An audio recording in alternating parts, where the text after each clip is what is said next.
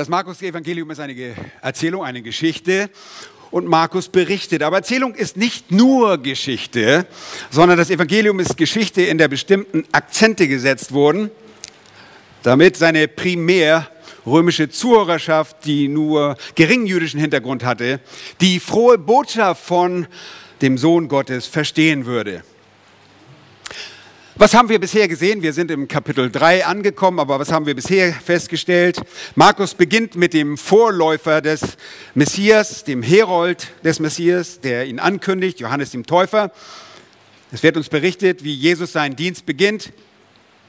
Und nachdem Johannes der Täufer gefangen genommen worden war, kam Jesus nach Galiläa und verkündigte das Evangelium vom Reich Gottes.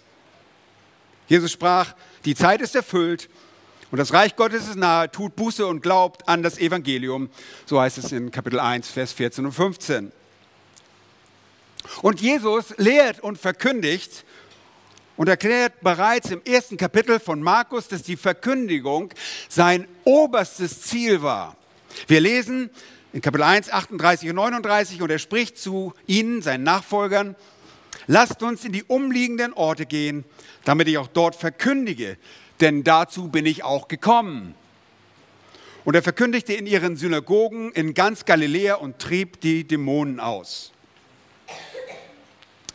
Sehr auffällig ist auch die stark oder sehr extrem hervortretende, starke dämonische Aktivität zur Wirkungszeit Jesu. Die gefallenen Engel bäumen sich auf und geraten geradezu in Panik denn sie allein wissen, wer dort seinen Dienst tut. Sie kennen den Sohn Gottes. Das, was die religiösen Führer des Landes nicht erkennen und nicht erkennen wollen, das wussten die gefallenen Engel. Die Diener Satans kannten Jesus sehr wohl. Der Widerstand hätte nicht größer werden können. Aber in allem beglaubigt der Sohn Gottes seine Herkunft und Autorität. Er verweist die Dämonen in ihre Schranken und er heilt an jedem Ort die Besessenen und die Kranken. Es besteht kein Zweifel daran, dass er der König und Retter sein sollte und dass er derjenige ist, der er behauptete zu sein. Dennoch ist das Volk blind und die jüdischen Schriftgelehrten und Pharisäer werden im Herzen härter und härter. Und wie wir die letzten, äh, beim letzten Mal gesehen haben, und das ist schon eine Weile her, so berichtet Markus uns von einer Steigerung der Feindseligkeit Jesu gegenüber. In Kapitel 2 wird dieser Widerstand durch die Menschen in den Vordergrund gestellt. Und bei Kapitel 3, 6, nach dem ersten Dienstjahr Jesu, sind die Feinde bereits so weit, dass sie ihn töten wollen. Ja, mehr noch, einstige Feindseligkeiten der Gegner Jesu werden vergessen. Und die geistige Vereintheit gegen den Sohn Gottes tritt zum Vorschein. Da heißt es nämlich, da gingen die Pharisäer hinaus und hielten sogleich mit den Herodianern Rat gegen ihn, wie sie ihn umbringen könnten.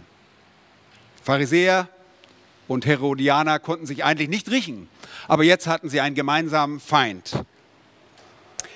Und jetzt zieht sich Jesus aufgrund dessen, dass sie ihn umbringen wollen, zurück. Aber nicht nur deshalb, sondern wie wir schon im ersten Kapitel erfahren haben, konnte er nicht mehr in den Städten auftreten. Die Massen kamen, um ihn zu sehen. Er war in den Ortschaften nicht, es war nicht mehr möglich für ihn, in den Ortschaften aufgrund seiner Popularität zu wirken. Und deshalb zieht er sich zurück und um zu predigen, steigt er, beim letzten Mal haben wir das gesehen, in ein Boot. Ja, ist kreativ und sagt, hey, so können mich alle hören. Er bleibt unbeehrt und er verfolgt weiterhin seine Ziele. Wir haben auch gesehen, die Wirkung seiner unbestreitbaren Beglaubigung als Retterkönig. Die haben wir gesehen in all seinen Wirken und in seinen Wundern. Und obwohl er hier den Führern des Landes aus dem Weg geht, konnten sie ihm jetzt nicht zur Gefahr werden. Und er fährt fort, seinen ewigen Ratschluss umzusetzen. Und das setzt er auch mit Bezug auf die Jünger fort. Und damit kommen wir zu unserem Text für heute.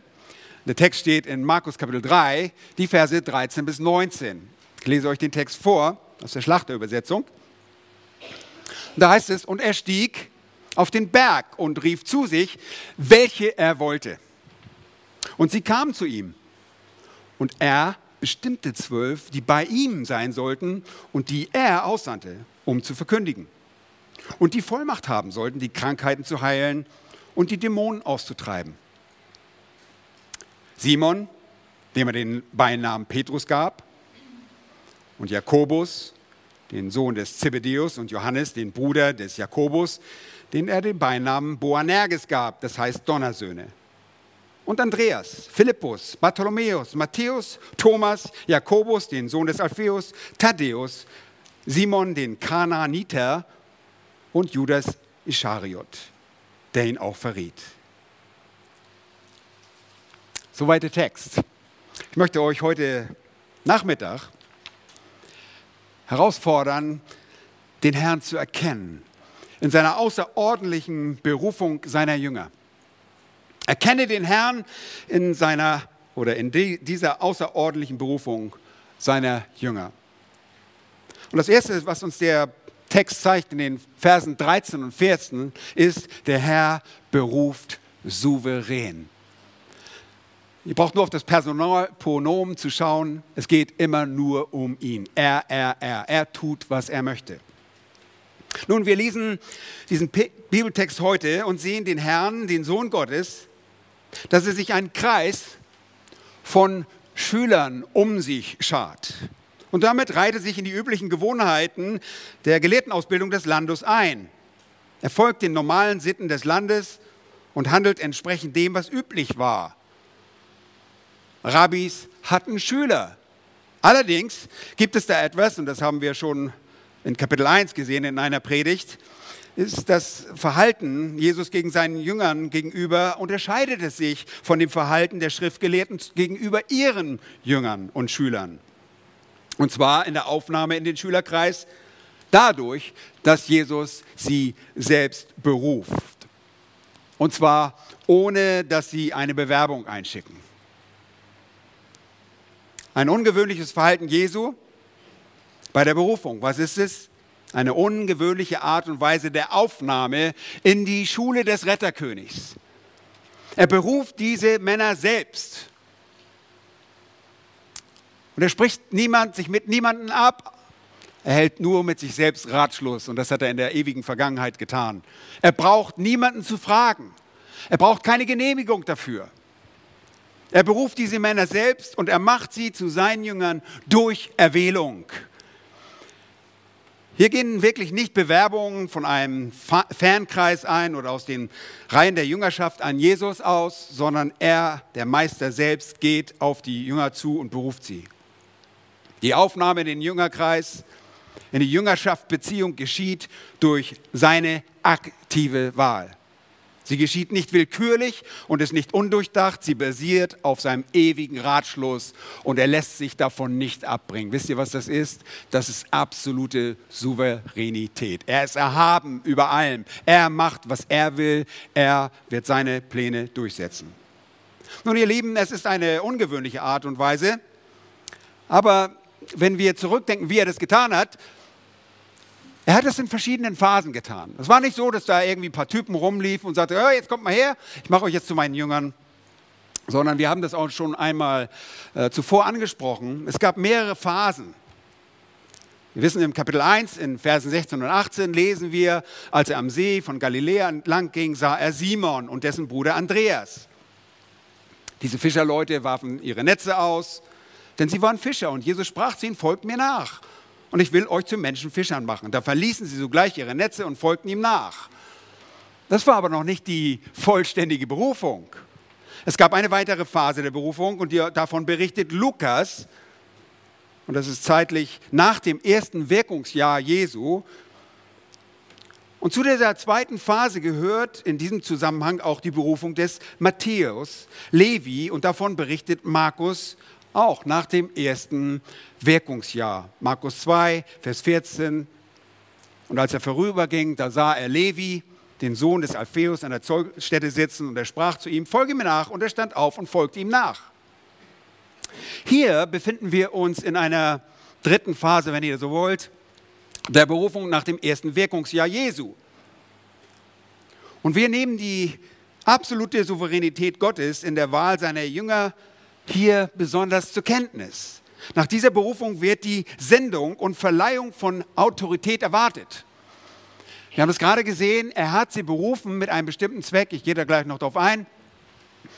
Aber die Verleihung von Autorität und die Sendung wird noch erwartet. Die geschieht jetzt noch nicht in dieser Phase.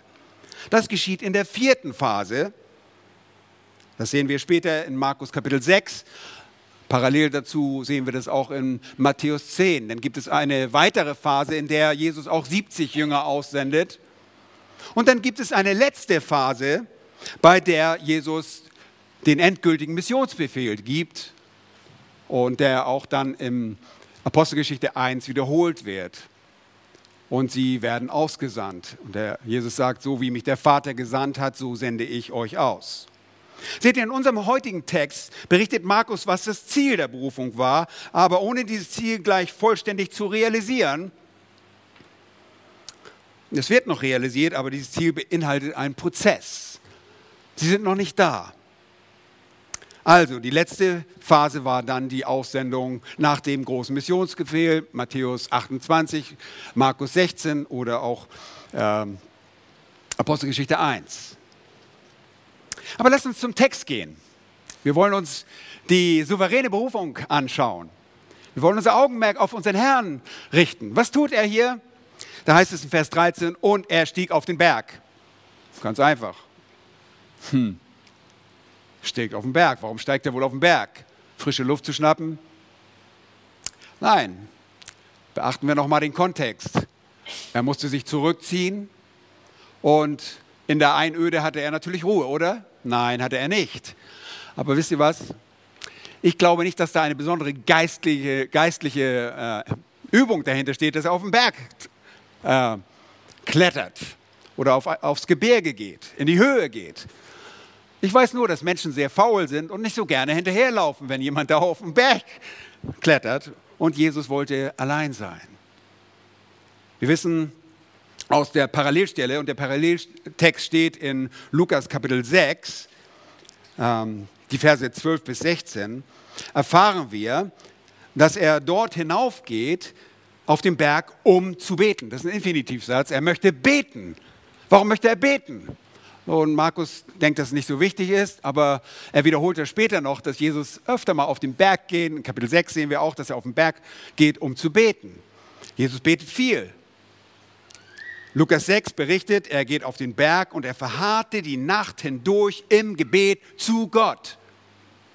Oh, unser Gott ist souverän, Jesus ist souverän in der Erwählung, in der Berufung, aber er lebt dennoch in der Abhängigkeit zu seinem Vater. Und er geht ins Gebet, er sucht das Angesicht seines Vaters und lebt in enger Beziehung zu ihm, denn er tut den Willen des Vaters. Da heißt es, er stieg auf den Berg. Nun, ich, ich glaube, das ist äh, deshalb geschieht, um der Menge zu entfliehen. Es geschehen schon viele Geschichten auf Bergen, aber das hat damit zu tun, dass, das dass Israel sehr bergig ist. Und wir müssen uns hier nicht einen riesen Mount Everest vorstellen, der Hermon wäre der größte Berg. Aber dort ähm, um den See Galiläa gibt es schon ein paar Erhebungen. Denn das, der ganze See ist in einem Plateau niedrig und alles rundherum ist eigentlich bergig. Es ist nicht schwierig, irgendeinen Berg zu finden, auf den man klettert, um zu beten. Und das tut er. Das Zweite ist, er steigt nicht nur auf einen Berg, sondern er rief zu sich, welche er wollte. Seht ihr, ich betone das ein bisschen. Welche er wollte. Er fragt nicht nach, wen ich in meine Nachfolge berufen darf oder wen nicht. Der Herr beruft, wen er wurde. In Lukas 6, 13 heißt es, als es Tag wurde. Und daraus geht hervor, dass er nicht nur die zwölf Jünger hervorruft, zu sich ruft, sondern überhaupt seine Jünger. Ihr müsst verstehen, Jesus hatte nicht nur zwölf Jünger. Es folgte ihm immer eine Riesenschar von Jüngern, die hinter ihm herliefen. Aber aus dieser Menge heraus, so macht der Text deutlich in Lukas 6, wählte aus ihnen wählte er zwölf. Also, er rief zunächst einmal, welche er wollte. Er ruft seine ganzen Jünger zu sich. Und das er betont wirklich die Erhabenheit in der Berufung. Und wisst ihr was? Sie kamen sogar. Hm. Es gibt auch ungehorsame Menschen, aber diese Männer wurden durch Gott selbst vorbereitet. Sie hatten Jesus gesehen und erlebt und ihr vorbereitetes Herz reagiert, indem sie kommen. Sie kommen. Wenn Jesus ruft, dann sind sie gekommen. Er rief sie zu sich, er ruft zu sich, welche er wollte. Das war das Zweite. Und wenn ihr mitschreibt, das dritte ist, er bestimmte zwölf. Er bestimmte zwölf. Nun, aus dieser Reihe von Jüngern wollte er ganz bestimmte Gruppe von Leuten haben. Und das ist absolute Souveränität. Und äh, so mancher Jünger hätte sich fragen können, warum nicht ich? Warum gerade diese Männer? Gott ist erhaben, er ist absolut souverän. Er macht, wie er es für richtig hält und weiß. Gemäß seinem Ratschluss. Er bestimmte zwölf. Da heißt es in Lukas 6, 13, und es wurde Tag, und er rief seine Jünger zu sich und er wählte aus ihnen zwölf, die er auch Apostel nannte. Nun, hier wird schon vorausgenommen, ähm, in Kapitel 14, in Vers 14 in unserem Text, Markus 3, Vers 14, gibt es eine Textvariante, Luther fügt hinzu, die er auch Apostel nannte. Wenn ihr eine Luther-Übersetzung habt, dann seht ihr auch, die er Apostel nannte. Diese Jünger, diese Mathetes, diese Lernenden, die sollten Apostel sein. Die nannte er Apostel. Leute, die er senden würde. Nun, Apostel waren in der damaligen Kultur nicht unbekannt. Auch die Juden hatten Apostel, die dem Zentralrat dem jüdischen Zentralrat bestimmte Steuern eintrieben. Die schickten sie nämlich in ihre Gemeinden, um das Geld einzukassieren. Und so war der Begriff schon bekannt, dass sie Gesandte sein sollen. Wir werden noch sehen, wofür sie gesandt werden. Aber hier zunächst einmal sehen wir zunächst seine Souveränität, indem er nur zwölf wählt. Und ihr Lieben, was kommt uns gleich für eine Frage? Warum zwölf? Warum nicht sieben? Warum nicht 100? Nun, die Berufung der Zwölf, und ich möchte es nur als Nebenbemerkung sagen, wir haben gerade die Ablehnung der jüdischen Leiter gesehen. Sie wollen ihn umbringen. Die Ablehnung ist auf einen äh, Gipfel gekommen. Jesus wendet sich ab. Die Berufung der Zwölf ist Gerichtszeichen für Israel. Die Berufung der Zwölf war ein Gericht gegen dieses institutionalisierte Judentum. Er bestimmt einfache Leute, einfache Fischer, einen Zöllner, einen ehemaligen Zeloten bzw. Terrorist, einfach einfache Männer.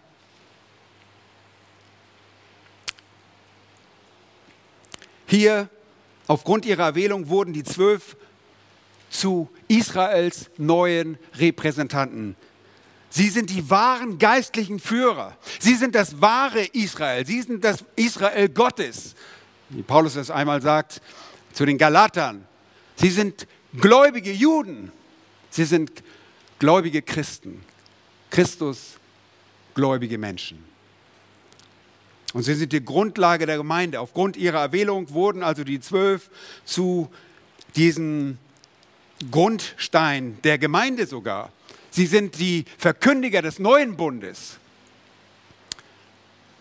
Die Verkündiger, die Israeliten hatten versagt. Die geistliche Elite des abgefallenen Israels wurde symbolisch entthront. Und die Apostel wurden zu den ersten Predigern des neuen Bundes. Sie waren die ersten, denen die christliche Botschaft anvertraut wurde. Und sie repräsentieren das wahre Israel Gottes, das gläubige, bußfertige Israel. Erinnert euch, nicht der ist ein Jude, der es äußerlich ist, sondern der es innerlich ist. Und sie waren diese Vertreter. Außerdem wurden sie zur Grundlage der Gemeinde mit Jesus Christus als dem Eckstein, so sagt uns Paulus in Epheser 2, Vers 20. Nun, das ist nicht mein Thema, aber das ist hier im Hinterkopf. Wenn wir das lesen, behaltet es im Hinterkopf. Als eine Reaktion der Ablehnung der Juden entscheidet sich Jesus jetzt eine neue Leiterschaft heranzuziehen und er tut es auf eine souveräne Art und Weise. Nun, der vierte Punkt ist gleichzeitig der, den ich auch weiterhin beleuchten will. Und der Punkt D, oder ich weiß nicht, was in euren Handouts ist, er bestimmt den Zweck der Berufung, 14, Verse 14 bis 15. Das ist Souveränität. Wenn er selbst den Zweck der Berufung bestimmt, das Ziel dieser Berufung bestimmt der Herr selbst. Es wird ihn nicht von irgendjemand anders herangetragen, sondern er selbst bestimmt diesen Ziel. Und das ist letztlich der zweite Punkt. Der Herr beruft zielorientiert. Zum ersten sehen wir seine Souveränität da drin und zum zweiten wollen wir jetzt seine Zielorientiertheit in der Berufung sehen. Übrigens, wir können diese gesamte Berufung auch auf unser geistliches Leben übertragen. Wir sind auch wenn wir zum Glauben gekommen sind, souverän von Gott berufen worden zum Glauben. Und wir sind auch zielorientiert berufen worden. Gott hat nicht nur gesagt, okay, ja, jetzt werde ich mal den Pascal oder den sonst was berufen und na, wollen wir sehen. Nein, wir haben ganz bestimmte Ziele. Gott hat Ziele mit uns und die macht er jetzt hier deutlich in den Versen 14 und 15. Und das Ziel bestand darin, zunächst einmal, dass seine Jünger bei ihm sein würden. Das Ziel bestand darin, dass er sie zweitens aussenden würde. Ganz einfach. Lest nochmal den Text. Und er bestimmte zwölf, dass sie bei ihm sein sollten. Das ist der Zweck und das Ziel. Das Ziel ist, dass er sie dann aussenden würde. Die Aussendung geschieht nicht hier, nicht an dieser Stelle, sondern der Zweck ist, dass sie bei ihm sein würden und das ist ein wunderbares Konzept. Sie durften bei Gott sein. Sie durften bei dem lebendigen Gott sein. Sie sollten zu ihm kommen und dann sollten sie gesandt werden. Ihr Lieben, die Sendung setzt eine Kenntnis voraus und eine Liebe zu Gott. Eine Kenntnis vom Retter. Und diese Kenntnis sollten sie erhalten auf eine einzigartige Art und Weise durch ihren Meister, eine Prägung durch ihren Meister, indem sie ihn begleiten konnten. Und diese Begleitung sollte vielleicht für knapp zwei Jahre anhalten noch nach dieser Berufung, denn das erste Jahr ist schon vorbei. Sie sollten bei ihm sein. Das war eine Art Lebensschule. Sie sollten sein Leben teilen. Sie konnten nicht nur einen Lehrer hören, sie sollten nicht nur einen Lehrer hören, sondern sie konnten seine Handlung sehen und ihm auf Schritt und Tritt folgen. Der Johannes, der Apostel, der berichtet von diesem Sehen. Wisst ihr, in Johannes 1, Vers 14 sagt er, und das Wort wurde Fleisch, Jesus das Wort wurde Fleisch und wohnte unter uns. Wir sahen seine Herrlichkeit, eine Herrlichkeit als des Eingeborenen vom Vater voller Gnade und Wahrheit. Könnt ihr euch vorstellen, ihr seid an der Seite Jesu. Ihr wandelt mit ihm. Ihr hört nicht nur einen Lehrer, sondern ihr seht, wie er sich verhält gegenüber diesem Menschen. Und was hat ihn gekennzeichnet? Er war voller Gnade und voller Wahrheit. Er hat den Menschen die Wahrheit gesagt. Und er ist den Menschen mit großer Gnade begegnet. Wisst ihr was? Die Gnade, die auch wir erfahren dürfen, wenn wir zu Jesus kommen. Jesus sagt, kommt her zu mir, die ihr mühselig und beladen seid. Er sagt zu Sündern, kommt und kehrt um. Er sagt nicht, du bist ein zu großer Sünder, du kannst umkehren. Komm zu mir, du musst deine Schuld bei mir ablegen. Wenn du mit mir gemeinsam leben willst, dann musst du deine Schuld ablegen. Diese Jünger durften mit Jesus leben. Wer von euch möchte nicht an der Seite Jesu leben, mit ihm Seite an Seite zu gehen?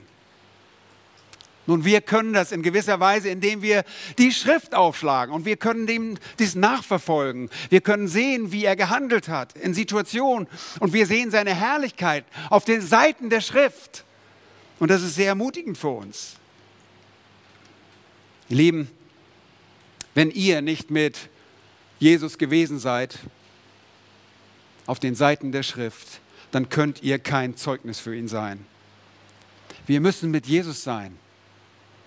Oh, nicht in physischem Sinne, das können wir nicht. Wir sind keine Mystiker, dass wir das irgendwo uns einbilden, dass Jesus physisch zu uns kommt. Nein, Jesus wohnt in uns und wir sind in ihm. Aber wir können mit ihm sein in seinem Wort. Dem Herrn sei Dank. Wir können seine Herrlichkeit sehen. Wir sehen die Herrlichkeit seiner Person auf den Seiten der Schrift. Und wenn wir ihn gesehen haben, dann können wir nicht anders, als ihm zu folgen und begeistert von ihm zu sein. Und ihr Lieben, wenn wir das uns anschauen, dann fragen wir uns, warum waren die Jünger nicht noch mehr begeistert? Nun, weil ihr Herz so ähnlich ist wie unser Herz. Sehr schwierig. Jetzt nach der Rückkehr Jesu in die Herrlichkeit des Vaters obliegt es uns. Wir sollen die Herrlichkeiten, die Tugenden des Herrn verkündigen und wir können sie nur verkündigen, wenn wir mit Jesus gewesen sind. Und wir reflektieren sie und wir dürfen sie widerspiegeln, damit die Menschen um uns herum diese Herrlichkeit und Weisheit des Herrn erkennen können. Deshalb ist es vonnöten, dass sie nicht nur davon hören, sondern dass sie es auch sehen dürfen. Und Menschen müssen Jesus sehen. Wisst ihr was? Deshalb müssen wir uns auch heiligen, denn ohne Heiligung wird niemand Christus sehen. Eine der Auslegungen aus dem Hebräerbrief, die vielleicht möglich wäre an der Stelle. Die Anwendung im Leben des Paulus sehen wir, wie er es angewendet hat in seinem Leben als Apostel er sagt den Thessalonichern, wir sehnten uns sehr, sehr, so sehr nach euch, dass wir willig waren, euch nicht nur dem Evangelium, das Evangelium mitzuteilen, sondern auch unser Leben, weil ihr uns lieb geworden seid. Menschen konnten Christus sehen. Jesus hat in Paulus gelebt. Paulus sagte, Christus ist mein Leben. Und das konnte man sehen. Und das können wir auch bei uns sehen. Reflektierst du Jesus? Lebst du zielorientiert? Lebst du zu der Bestimmung, zu der dich Gott berufen hat? Wir sollen tadellos vor ihm wandeln. Und deshalb öffnen wir nicht nur die Türen der Gemeinde, sondern auch unsere Häuser, damit Menschen erkennen können, wie Jesus in unserem Leben wirkt. Wir teilen unser Leben mit Menschen. Nun, Jesus wollte die Jünger um sich haben, sie durften ihn wahrnehmen. Welch ein außergewöhnliches Erlebnis für sie. Und deshalb waren sie auch eine besondere Gruppe von Menschen, die schließlich von ihm gesandt wurden und Apostel Jesu genannt wurden. Leute, wenn ihr heute irgendwelche Scharlatane hört, die meinen, ich bin auch ein Apostel, ich bin ein Apostel Jesu Christi, dann müsst ihr sie zurechtweisen. Es gibt heute nicht mehr diese Apostel. Die Gemeinde ist gebaut auf der Grundlage der Apostel und Propheten. Aber diese Grundlage ist gelegt worden und jetzt gibt es keine Apostel mehr. Heute gibt es Prediger, heute gibt es Älteste, heute gibt es Verkündiger und Evangelisten, aber keine Apostel Jesu Christi. Diese Apostel Jesu Christi haben sich bestätigt durch Zeichen und Wunder. So sagt Paulus den Korinthern in 2. Korinther 12. Nun, er hat sie ausgesandt. Und ich finde meine Seite 7 nicht. Da ist sie. Sie sollten gesandt werden. Sie sollten um ihn sein. Und es setzt eine Ausbildung voraus. Lieben, wir haben einige von uns selbst, die zu früh gegangen sind, ohne dass wir um Jesus waren, ohne dass wir gelernt haben, sind wir auf Missionsfeld gegangen. Erinnern wir uns noch dran? Ja, wir fragen uns mal, warum sind wir eigentlich schon losgegangen? Wir waren nicht bei Jesus. Wir müssen von ihm zugerüstet werden. Nun, sie sollten gesandt werden, weil sie besondere Leute waren. Auf ihn ruhte der ganze Plan der Erlösung. Und man kann sich fragen, oh meine Güte, ist das Gottes Plan? Ist das das Plan Jesu, sich auf diese zwölf Menschen zu verlassen? Was ist Plan B? Es gab keinen Plan B. Diese Menschen, diese Männer, die er auserwählt hat in seiner Souveränität. Sie sollten gesandt werden. Nun schaut einmal in den Text. Dort heißt es, die er aussandte, um zu verkündigen und die er aussandte. Das heißt, sie sollten ausgesandt werden. Und sie sollten Vollmacht haben, die Krankheiten zu heilen und die Dämonen auszutreiben. Diese Aussendung sollte dazu da sein, dass sie verkündigen. Ihr Lieben, sehr zentral in der Berufung ist sehr deutlich das Ziel, sie sollten Verkündiger sein. Wisst ihr was? Der Sohn war ein Prediger. Gott hatte einen Sohn und er war ein Prediger. Und dieser Sohn bereitete sich ein paar Männer vor und er sandete sie aus als Prediger. Warum verlassen heute so viele Gemeinden überall die Predigt? Warum denken sie, wir müssen was anderes anwenden? Die Predigt ist zentral in der Verkündigung, in, in dem Gemeindebau. Ohne Verkündigung keine Gemeinde. Denn der Glaube kommt aus dem Wort, das Wort aber aus der Predigt. Ne? Der, Glau der Glaube kommt aus der Predigt, weil das Wort gepredigt wird. Nun, die zentrale Aufgabe, mit der auch wir vertraut worden sind. Wir haben es in den vergangenen Wochen gehört, dass wir Botschafter an Christi sind und wir müssen sein wie Jesus. Wir müssen verstehen, was er ihm ausmacht. Wir müssen ihn erkennen. Leute, wir müssen wissen, wer er ist, wenn wir ihn repräsentieren. Es ist natürlich wichtig, die Person zu kennen, die man vertreten soll, oder? Paulus schreibt den Korinthern, wir haben Christi Sinn.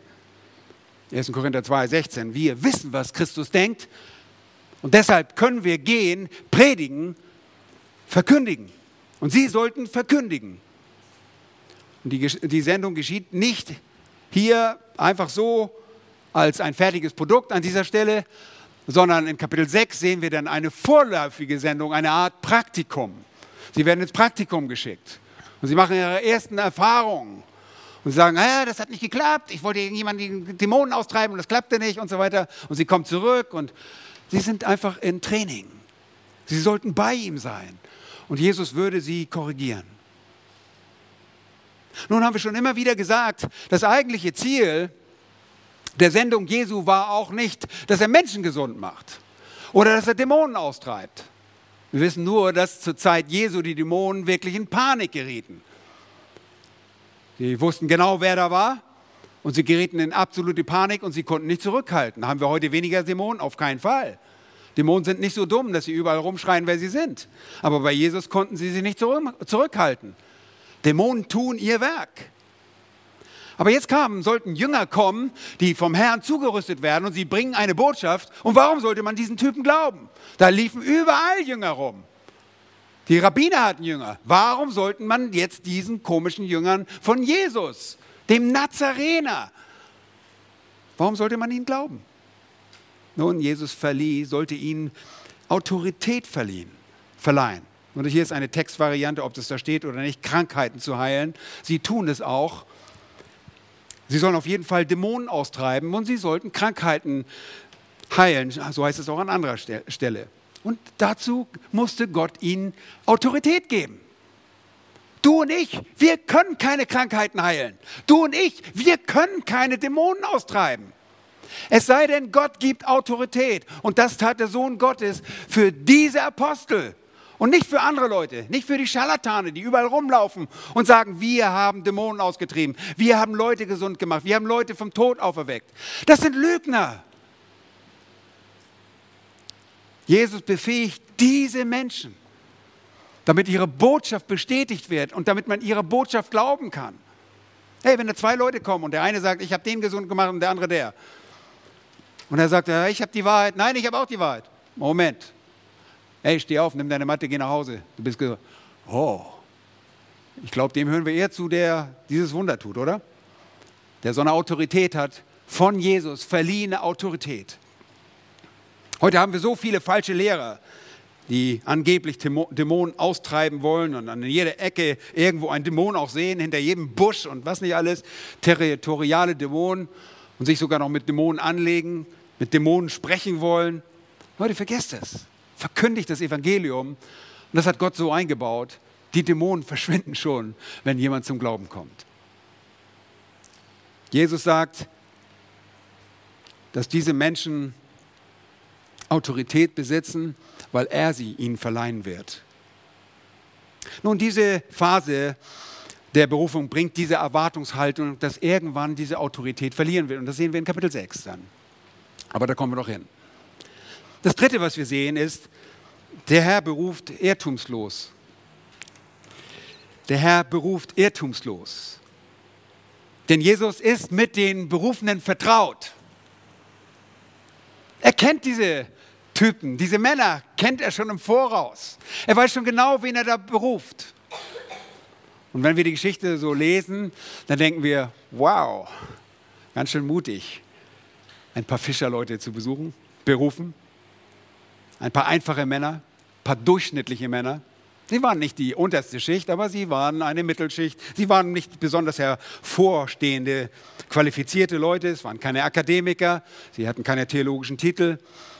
Aber er kennt die zu berufenen Jünger. Er kennt die zu berufenen Jünger. Sie waren einfache Menschen. Keiner von ihnen hatte wahrscheinlich eine Auszeichnung in irgendeiner Hinsicht. Kein Rabbi, kein Schriftgelehrter, kein Pharisäer, kein Sadduzäer oder Priester. Nicht ein einziger der ausgesuchten Männer war von diesem religiösen Establishment. Und das versetzte natürlich nochmals einen Schlag für diese religiösen Leiter, die das für unmöglich erklärten, denn für diese Leute waren diese Jünger ein Nichts. Nun, ihr Lieben, viele Christen verlieren leicht den Mut, wenn ihr geistliches Leben und Zeugnis unter Sünde oder Versagen leiden. Wir neigen oft zu der Annahme, ein nutzloser Nobody zu sein. Und während wir uns selbst überlassen, träfe dies auch zu. Wisst ihr was? Wir sind tatsächlich für uns selbst nutzlose Nobodies. Und das erinnert mich an die Stelle in 2. Korinther 3. Unsere Tüchtigkeit, unsere Fähigkeit kommt nicht von uns selbst, sondern sie ist uns verliehen.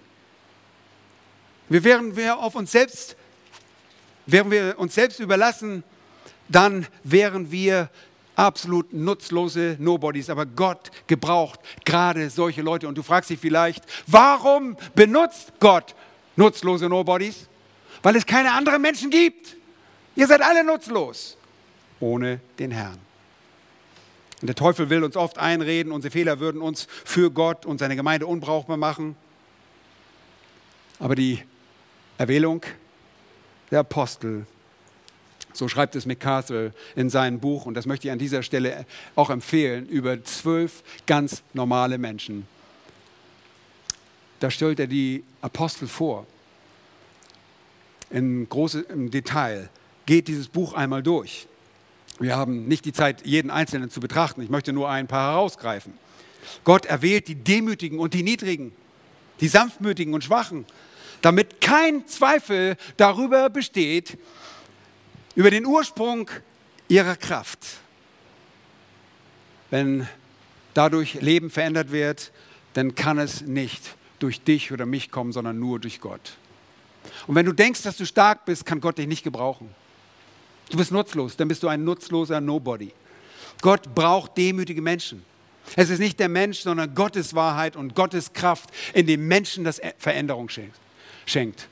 Und deshalb schickt er sie und was sollen sie tun? Sie sollen verkündigen. Worin liegt die Kraft? Worin liegt die Kraft der Veränderung? In dem Wort. Wodurch sind wir wiedergeboren?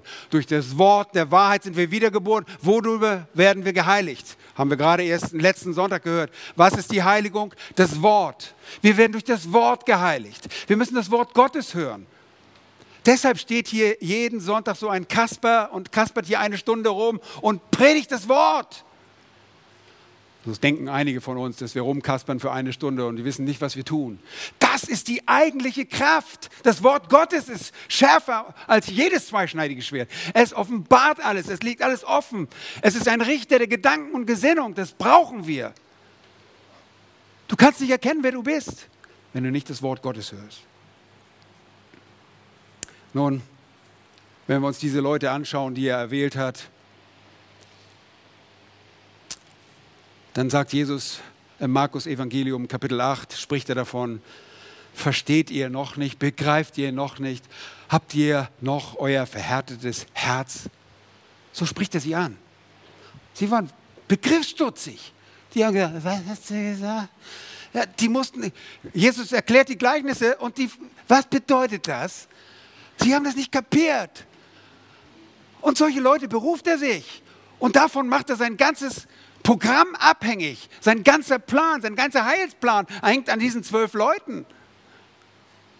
Jesus beruft absolut souverän, er beruft zielorientiert und er beruft irrtumslos. Matthäus 15 sagt er, seid ihr denn auch noch unverständig, sagt er zu ihnen.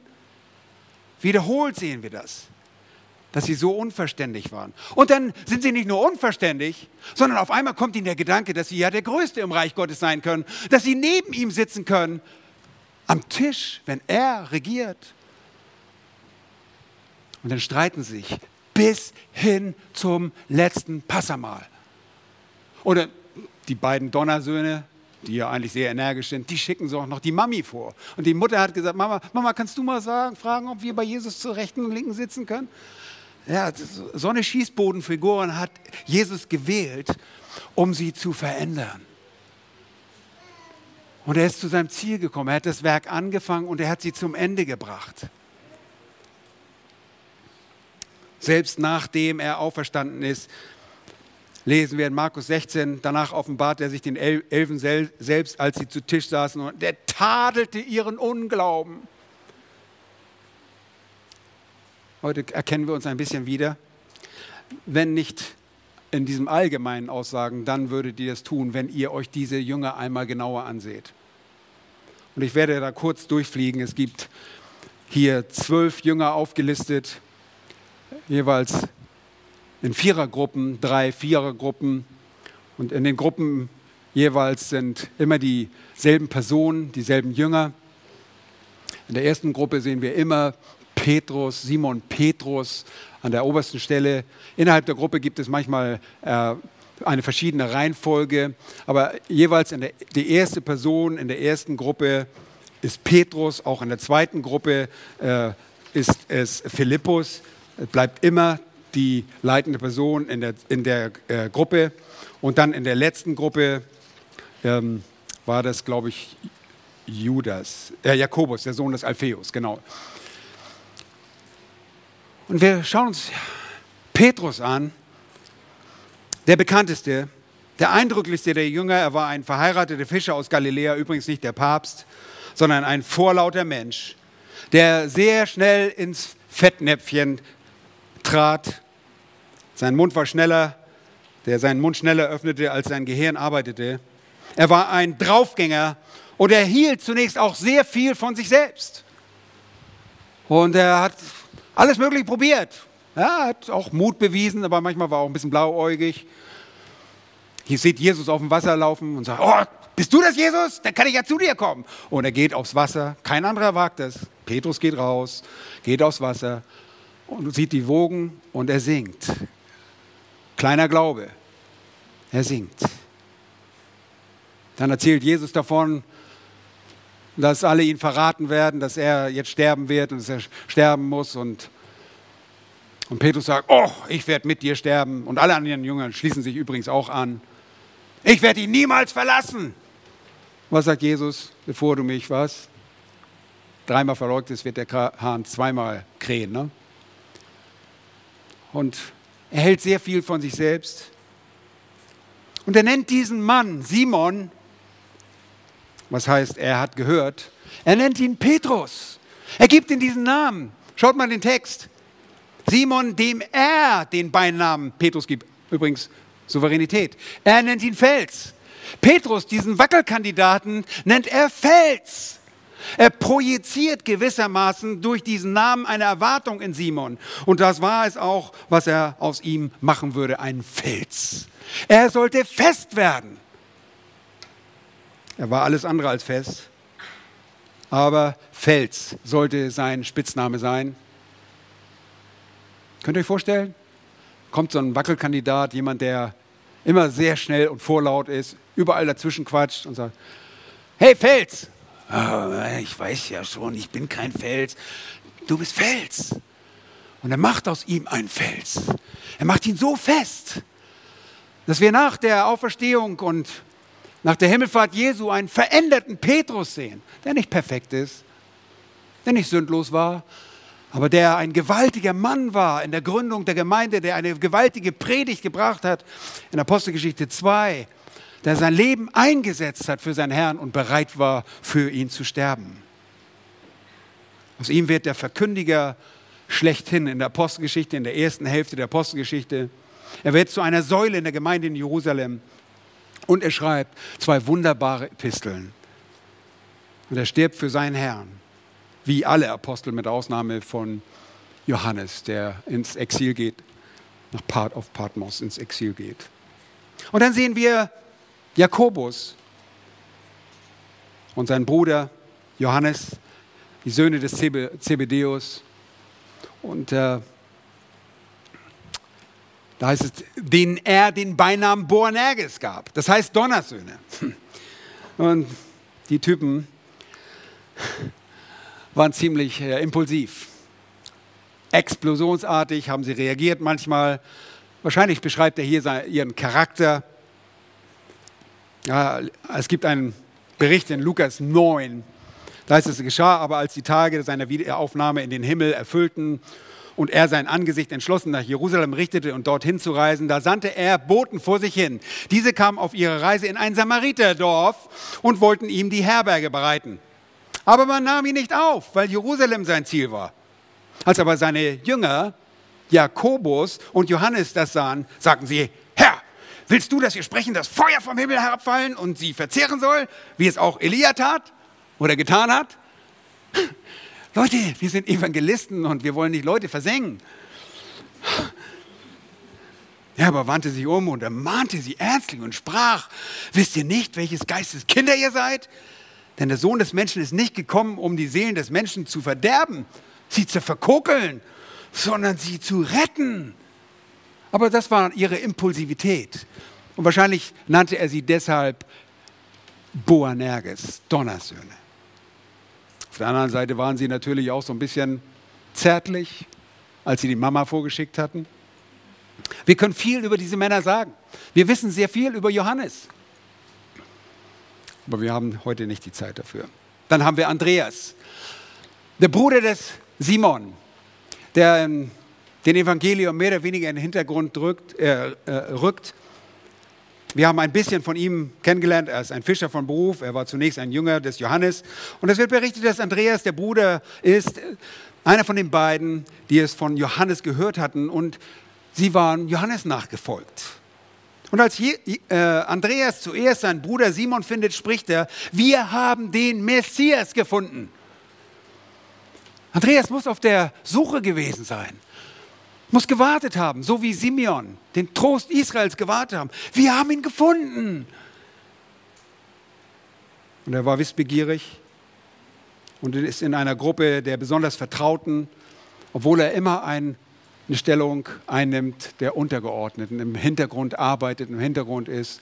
Und alle diese Männer rüstet sich der Herr zu. Sie sollten alle bei ihm sein. Die Bibel schildert nicht genau, was aus ihm wird. Aber er spielt eine Rolle in der Kirchengeschichte, wird von ihm berichtet, dass er im Hintergrund blieb, der Überlieferung nachsagt, dass er das Evangelium nach Norden trug. Der Kirchenhistoriker und Kirchenvater Eusebius schreibt, dass Andreas bis nach Skythien ging, Skythien ging. Und er wurde Schutzpatron in Russland und Nordschottland. Gekreuzigt wurde er in Achaia in Südgriechenland nahe Athen.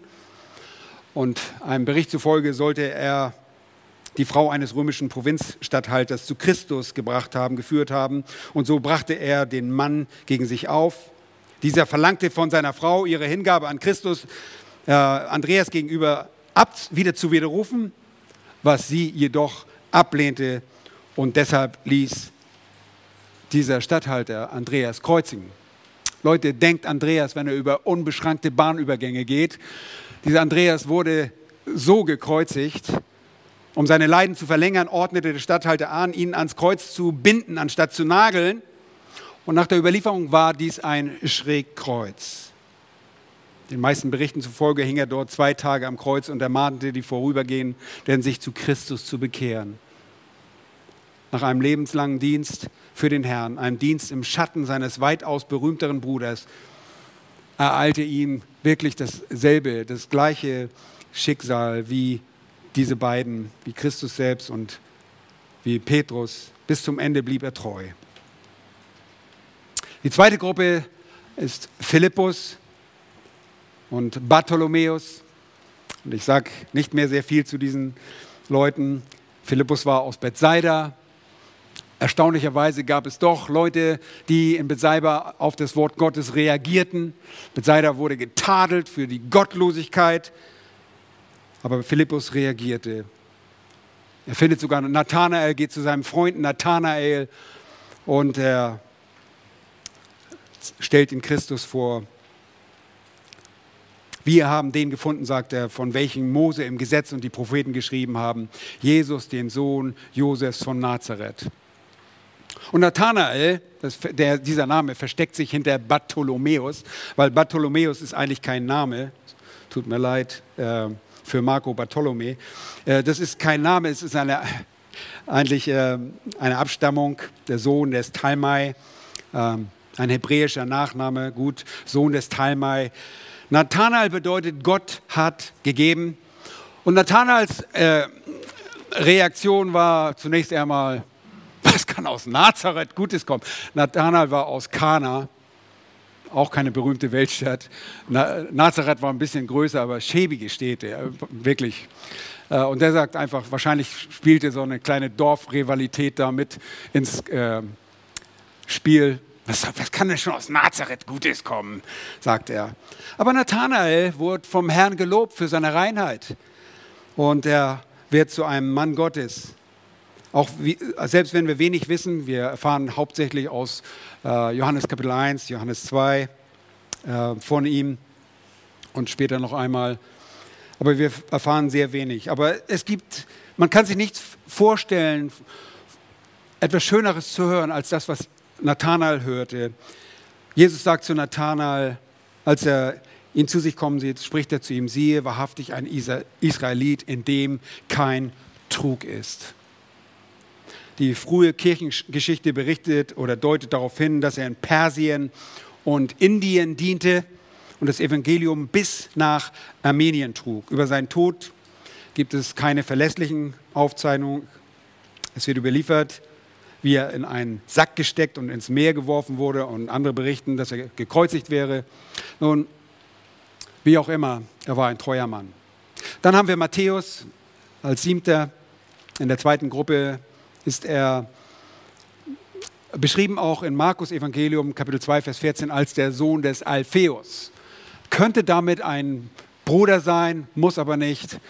Wir haben keinen weiteren Hinweis von, von Jakobus, dem Sohn des Alpheus, der in der letzten Gruppe ist. Levi, Matthäus, ähm, der Zöllner, und wir haben uns darüber schon unterhalten. Levi heißt der Verbundene, der Treue. Matthäus, glaube ich, die Gabe Gottes. Und dann sehen wir Thomas. Wofür kennen wir Thomas? Der Zweifler, der ungläubige Thomas. Ähm, Thomas war nicht nur ein Zweifler, er war ein Pessimist. Kurz vor Jerusalem, als er sich entschließt, doch mit Jesus zu gehen, sagt, ah, komm, lasst uns mit Jesus gehen, mit ihm sterben. Er ist sehr pessimistisch. Er sagt, lasst uns mit Jesus gehen und zusammen mit ihm sterben. Und er ist ein bisschen pessimistisch, aber immerhin ist er bereit, mit seinem Herrn zu sterben. Und äh, ich habe eine Menge darüber aufgeschrieben, aber eine Menge, das ich nicht sagen werde. Die dritte Gruppe, wir sehen Jakobus, den Sohn des Alpheus. Das ist Jakobus der Kleine. Das ist nicht der Jakobus, der schon durch Herodes Agrippa I. getötet wird, sondern das ist der Kleine, über den man nichts weiß. Mikros steht da im Griechischen. Vielleicht war er von der Statur klein, vielleicht war er auch jünger. Ähm, er ist unbedeutender. Er ist nur für die katholische Kirche sehr wichtig.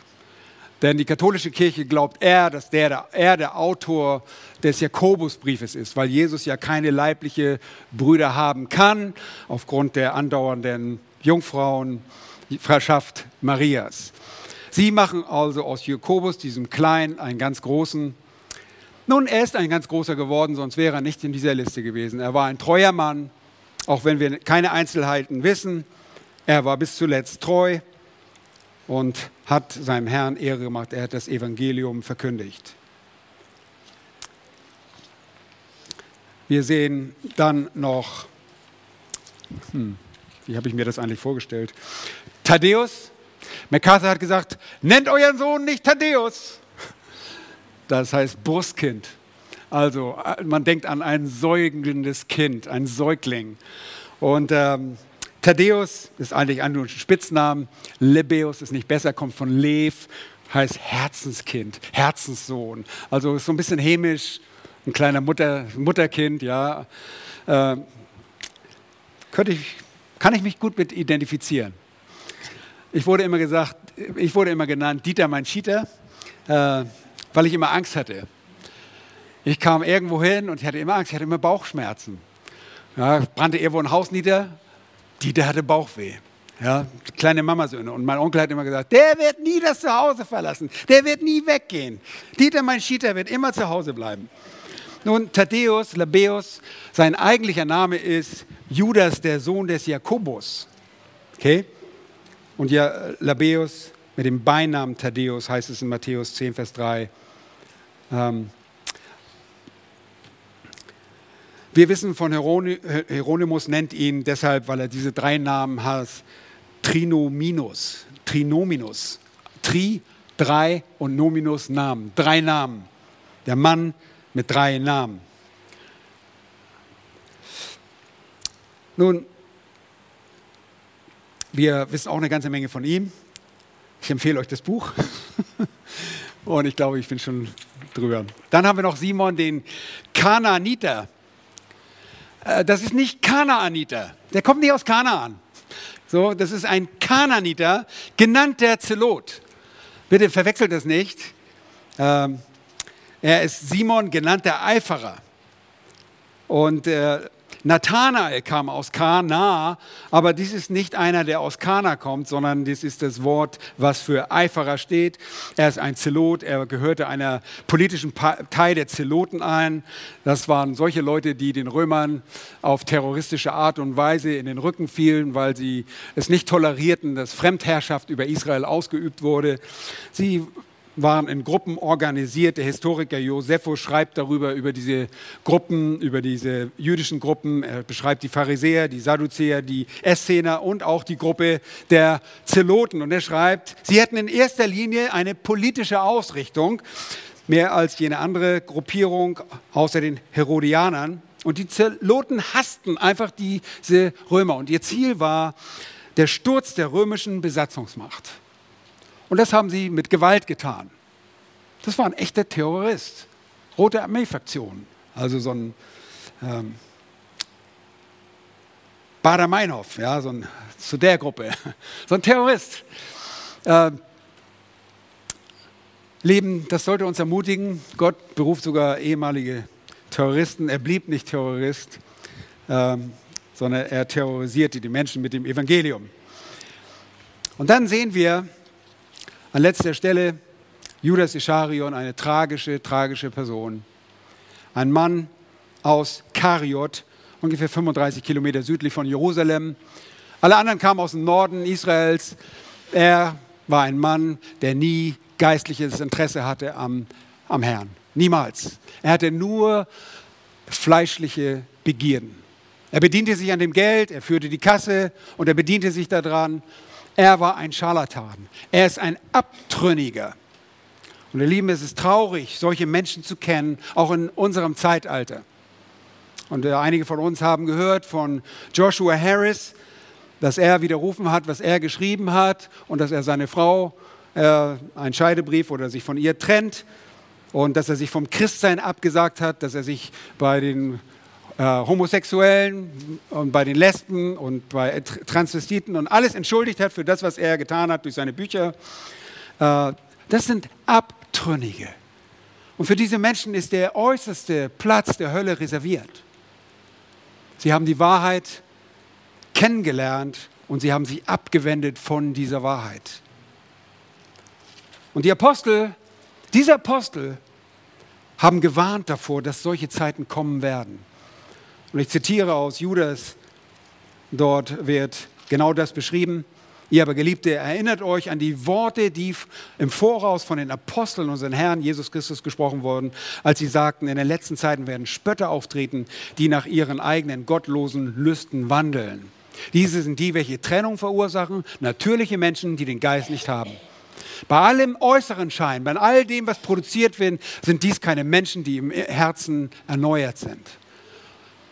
Sie sind ausgegangen vom Herrn, weggegangen vom Herrn, sie war, gehörten niemals zu ihm. Und das ist schockierend. Und so einer war Judas. Er war ständig um Jesus herum, aber er war nicht echt. Und es ist eine Warnung an uns, uns zu prüfen. Wo stehst du? Ist dein Glaube echt? Wir haben keine Zeit. Wir können uns es nicht erlauben, Christsein zu spielen.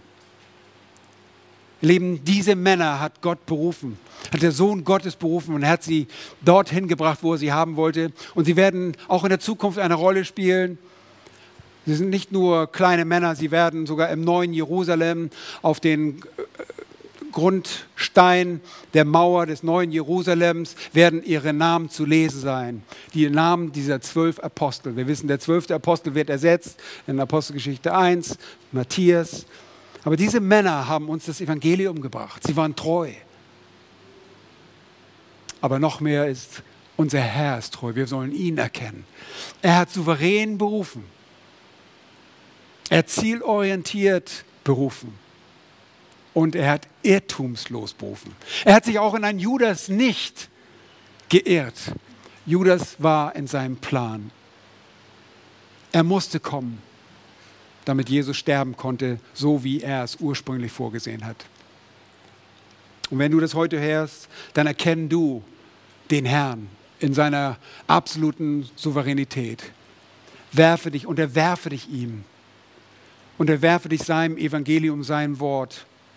Wenn du denkst, ich bin eine Null, dann denkst du richtig. Deshalb lass den Herrn etwas aus, dich, aus dir machen. Der Herr kann dich gebrauchen. Er möchte dich gebrauchen. Beuge dich vor ihm. Demütige dich vor ihm. Komm zu Buße. Mach nicht weiter, wie du weitermachst, wenn du nicht dem Herrn folgst vom ganzen Herzen.